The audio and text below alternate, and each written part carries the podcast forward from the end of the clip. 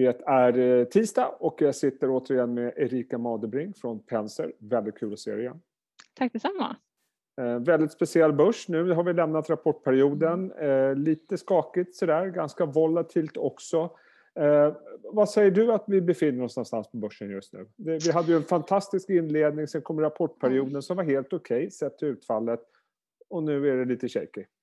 Ja men precis. Um, vi, förväntningarna drevs ju verkligen upp riktigt högt om den här med den väldigt starka kursen vi hade i början både på, på bank och verkstad om man pratar storbolag. Uh, och sen såg vi att rapporterna kom in bra. Um, återhämtningen är på god gång och uh, liksom, verkstadsbolagen är uppe på samma nivåer försäljning som, som innan pandemin. Men marknaden förväntar sig ännu lite mer så att uh, där har vi sett att sektorn har kommit ner lite grann, vilket är kanske inte är konstigt att, att uh, bolagen tar en andningspaus här.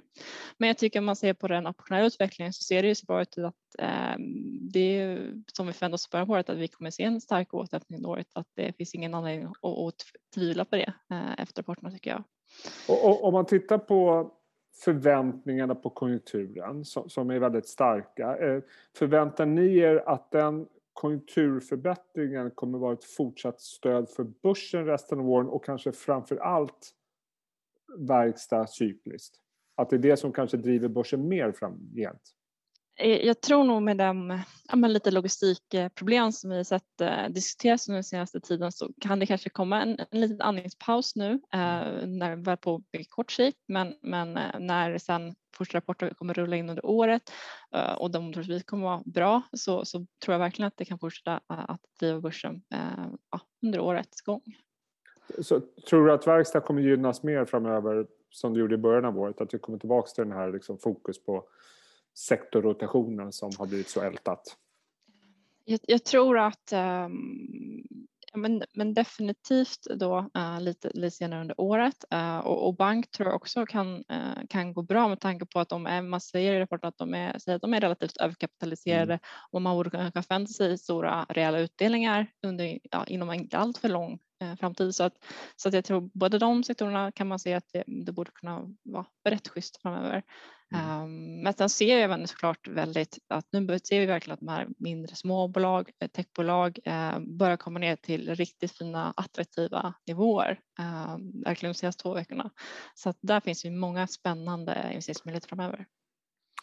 Vad säger man om den så kallade techfrossan eller tillväxtfrossan eller vad man nu ska kalla det för? för mm. precis som du säger, vi har ju sett en del ordentliga nedgångar i vissa aktier mm. trots att rapporterna var bra, kanske i vissa fall marginellt sämre, mm. men det är fortfarande otroligt stark tillväxttakt för många av de här bolagen. Hur, hur resonerar ni kring sektorn, om man kan kalla det för det? Det är ju väldigt eh, blandat med bolag.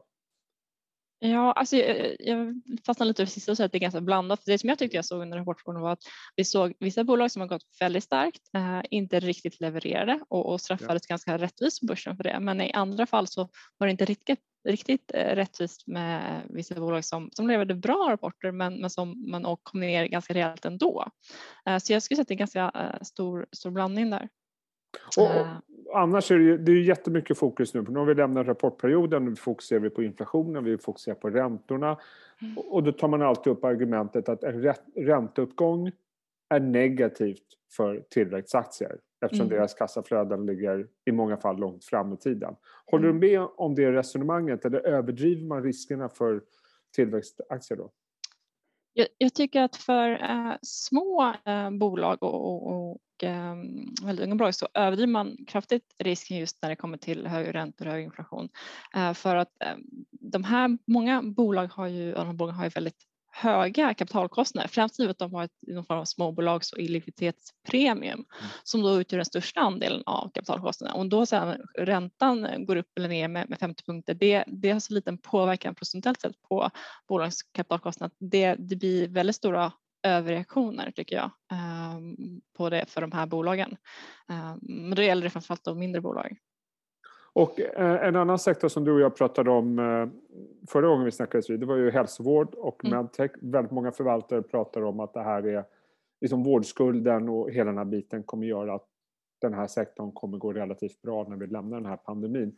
Eh, jag misstänker att det, den synen har, har ni fortfarande? Ja men verkligen. Eh, jag tror nog verkligen man kommer att se nu under när Q2 och Q2 kommer in att man kommer eh, se de här bolagen kommer prestera riktigt bra mm. och det kommer verkligen driva tillväxten där. Och jag noterar att mitt case i Bunsport förra gången har gått, redan gått 20 procent, men där finns det mer hämtat tror jag definitivt.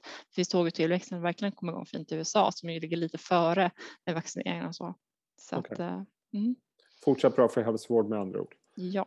Eh, jag tänkte vi ska titta på lite grann det här som du pratade om att många aktier som kommer med bra rapporter får väldigt stryk eh, och om det är någonting man ska hämta upp och då föll vi på Instalco och på Mips. De aktierna är väl ner, vad är det, dryga, kan det vara 20 procent sen, sen respektive rapport om inte jag är helt ute och cyklar. Ja, Någonstans ja, där.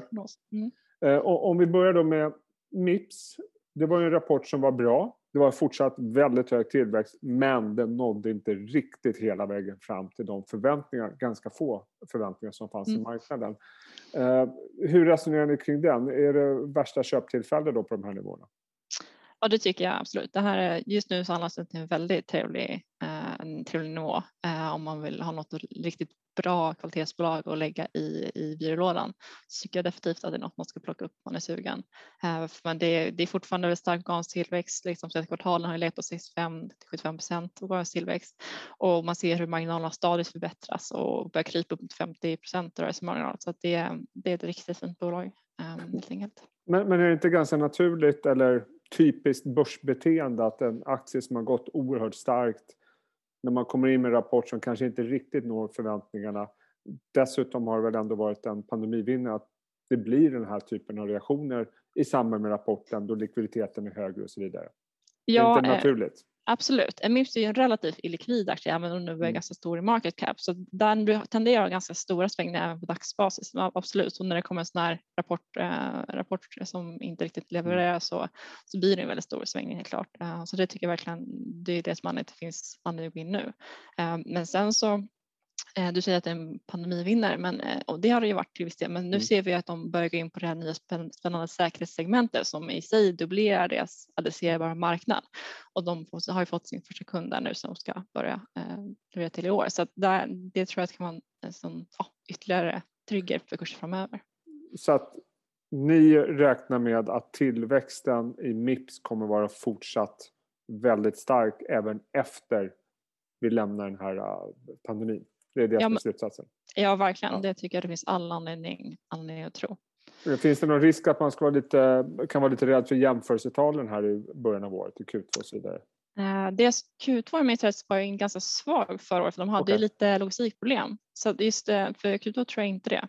Um, det var ju kanske egentligen främst Q4 för som var riktigt, riktigt bra. Okay.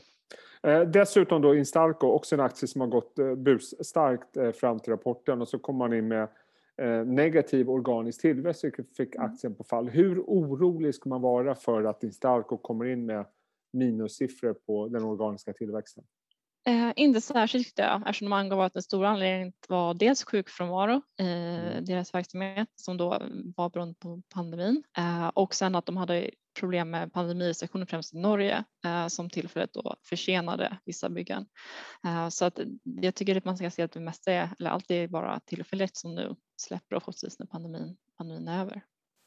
Varför, vad, vad är huvudargumenten till att ni fortfarande gillar Instalco på de här nivåerna? Den har kommit ner mycket men har som mm. sagt också gått upp mycket tidigare. Eh, det här, billigt, det här bolaget är ju inte särskilt dyrt ur ett relativt perspektiv sett eh, mm. med tanke på hur de växer, vilka fina stabila marginaler har, god lönsamhet, bra ägarsituation. Eh, så även om nu vdn tar steg tillbaka till styrelseordförande posten eh, som han är även grund, grundare och stor ägare i bolaget så, så ser vi att det finns väldigt goda möjligheter att den här resan kan fortsätta och att det blir riktigt, riktigt bra för även framöver. Bra, eh, intressant att följa. Det är som sagt stora kursreaktioner. Jag tänkte vi ska avsluta med ett annat ämne och eh, alla förvaltare jag pratar med de säger att de knappt har tid med någonting annat än att läsa prospekt för alla börsnoteringar som saknar nästan till historiskt motstycke tror jag ni har gjort samma sak och ni har mm. hittat en IPO där ni har valt att teckna och det är checkin.com.